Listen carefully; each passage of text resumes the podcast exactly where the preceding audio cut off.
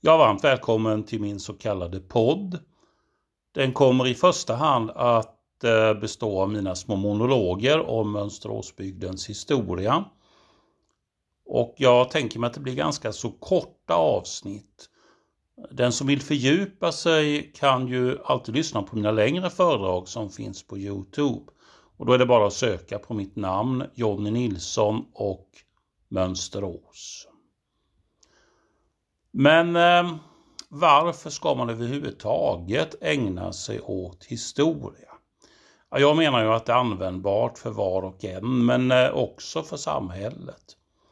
Den insikten delar absolut inte alla. För några år sedan så föreslog Svenskt Näringsliv att de som studerade humanistiska ämnen på universitetet, ja, de skulle få lägre studiebidrag än de som pluggade mer tekniska eller naturvetenskapliga inriktningar. Och anledningen till det här minst sagt bizarra förslaget det var att humanister menade man har svårare att få jobb och bidrar mindre till samhällsnyttan. Så universiteten skulle alltså bli duktiga fabriker som eh, tillverkar arbetskraft för marknadens behov. Jo, eh, så ytligt har det faktiskt blivit. Det handlar eh, förstås om en förenklad, ytlig, instrumentell världsbild där människor förväntas vara de kuggar som marknadens maskin kräver. Sverige sticker tyvärr ut i den här frågan.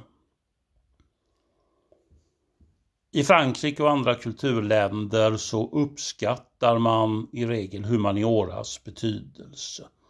Det kan vara för kritiskt tänkande, eh, förmågan att tänka kreativt, för att kunna dra nytta av mänsklighetens samlade erfarenheter, eh, för välbefinnande, eh, för mänskliga värden, för insikten att människan är för mer än homo economicus. I många länder så är ämnen som filosofi, litteraturvetenskap och historia det är kronjuvelerna i hela utbildningsprogrammet. Det är något som ger landet spänst och djup och sammanhang. Och de har alltså insett att man kan inte bygga ett lands karaktär och ryggrad på enbart kapital och ingenjörskonst. Ja, det händer ju ibland att jag får frågan varför man bör fördjupa sig i historia.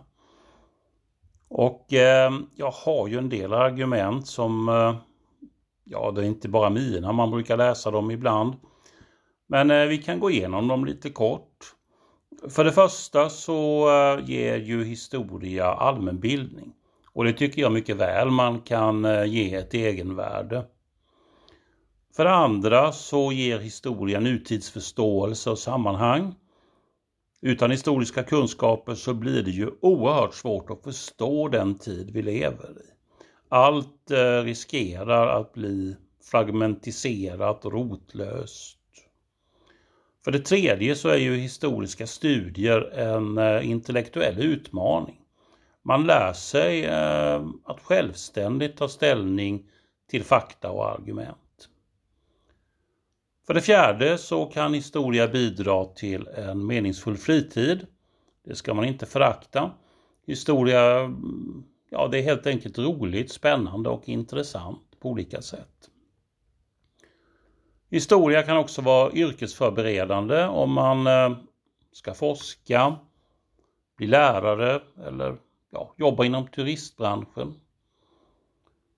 Man brukar också säga att historia fostrar till ansvar när man ser det sammanhang som man själv lever i. Sin del av den eh, historiska kedjan så att säga. Historia kan också eh, stärka olika slags identiteter. Och historia kan inte minst avslöja myter och falsk historieskrivning. Och det här är någonting eh, väldigt viktigt i alla tider egentligen. Men inte minst i eh, vår digitala tidsålder där olika myter och lögner och halvsanningar sprids med blixtens hastighet på internet. Och det verkar ju faktiskt som att det till och med kan påverka valutgången i, i olika länder. Och eh, för det sista så kan ju historia också göra att man inser att nuet, ja det är inte den absoluta normen. Eh, istället så kan vi fråga oss vad kan vi lära oss av människor i andra tider? Vi tror ju väldigt lätt att vi lever i den bästa av tider. Att utvecklingen alltid går uppåt mot ljuset. Men eh, kanske kan vi istället lära oss av hur människor har tänkt och gjort i äldre tider. Det lokalhistoriska perspektivet det har ju ofta fått stå tillbaka för eh, den nationella historieskrivningen i Sverige. Det har varit rikets historia, kungarnas, eh, adens.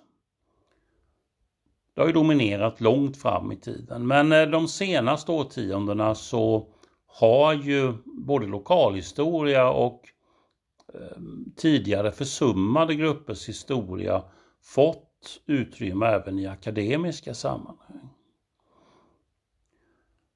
Men det finns flera skäl till att lyfta fram det lokalhistoriska perspektivet.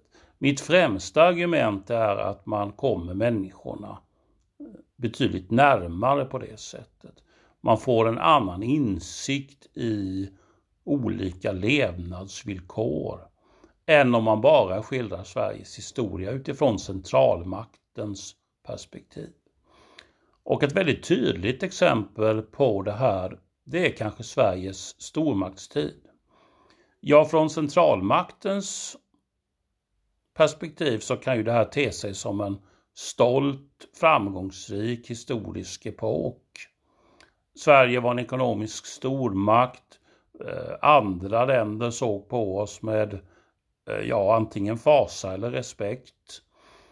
Och vi hade en eh, tämligen framgångsrik krigsmakt så att Sverige utvidgade sina landområden. Men för lokalsamhällets människor så var ju de här krigen de facto ofta en katastrof.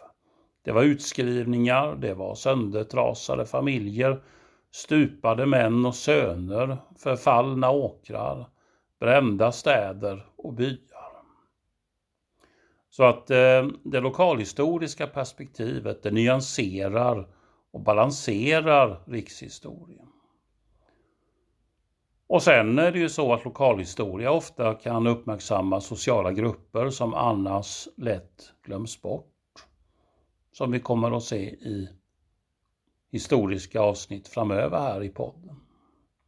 Och i den meningen så blir ju lokalhistoria har i alla fall potential att bli mer demokratisk. Och så kan man ju gå på djupet och belysa saker och ting eh, väldigt ingående i lokalhistoria många gånger. Men eh, låt oss nu börja med det första avsnittet om just Mönsteråsbygdens historia. Den här gamla köpingen vid Kalmarsundskusten. Och vi kan börja med ortnamnet Mönsterås. Och det låter ju onekligen något besynnerligt. I alla fall eh, har jag träffat en del som tycker det. I alla fall första delen, mönster. Ås kan man ju förstå, vi ligger ju uppe på en ås.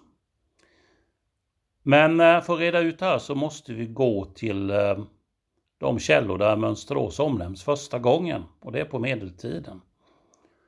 Mönsterås omnämns eh, som socken första gången 1309 när Karl Ragnfridsson testamenterar en halv mark till Hospitali in Mjälstada As.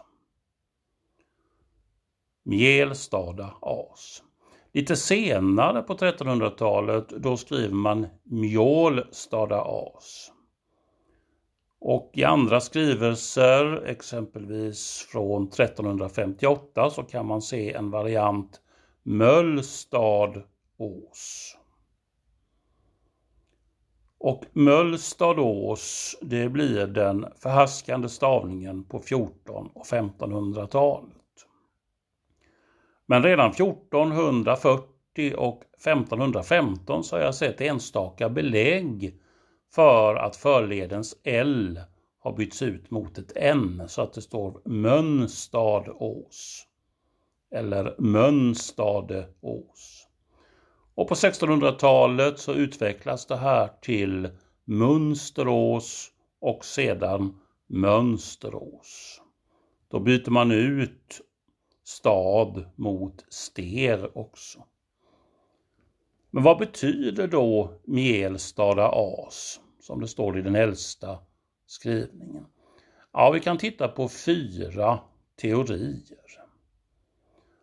Den första teorin eh, lanserades av en Mönsteråspräst i mitten av 1600-talet. Det hade gått ut ett påbud att prästerna skulle nedteckna, som det hette, socknarnas gamla aktiviteter eller antikviteter. Och så skedde även i Mönsterås.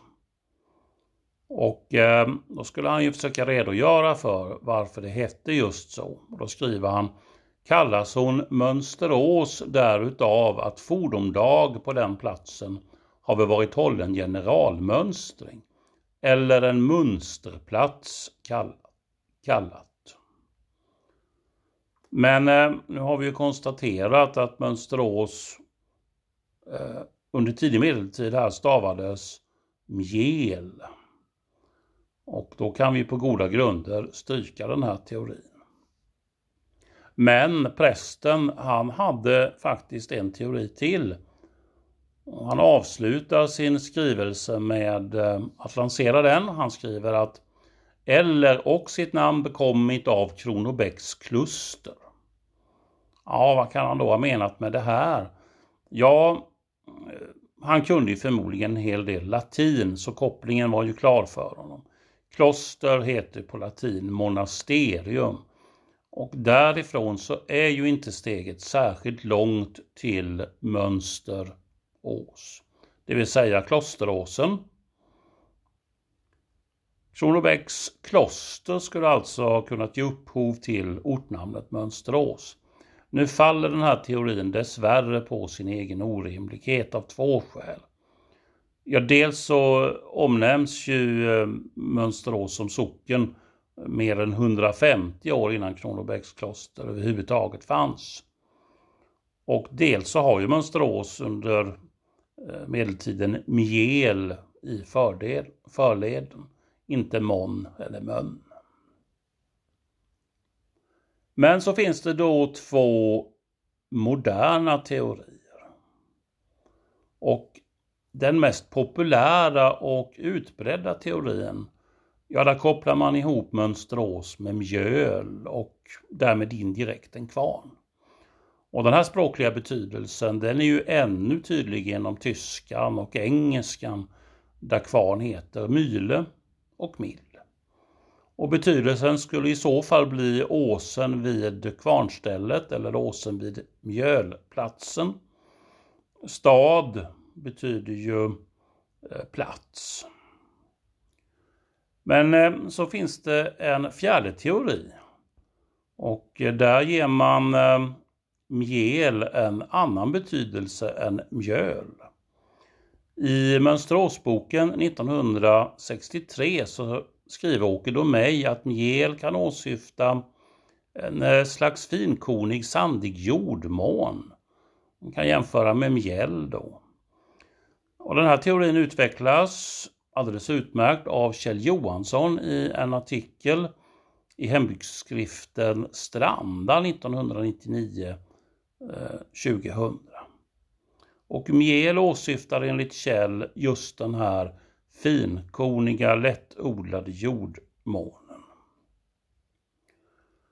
Eh, Mjälstada as skulle i så fall betyda åsen vid platsen där jordmånen är finkornig. Vilken av de här två sistnämnda teorierna som är den riktiga, ja det undandrar sig ännu ett säkert bedömande. Förmodligen kommer vi aldrig att få veta det.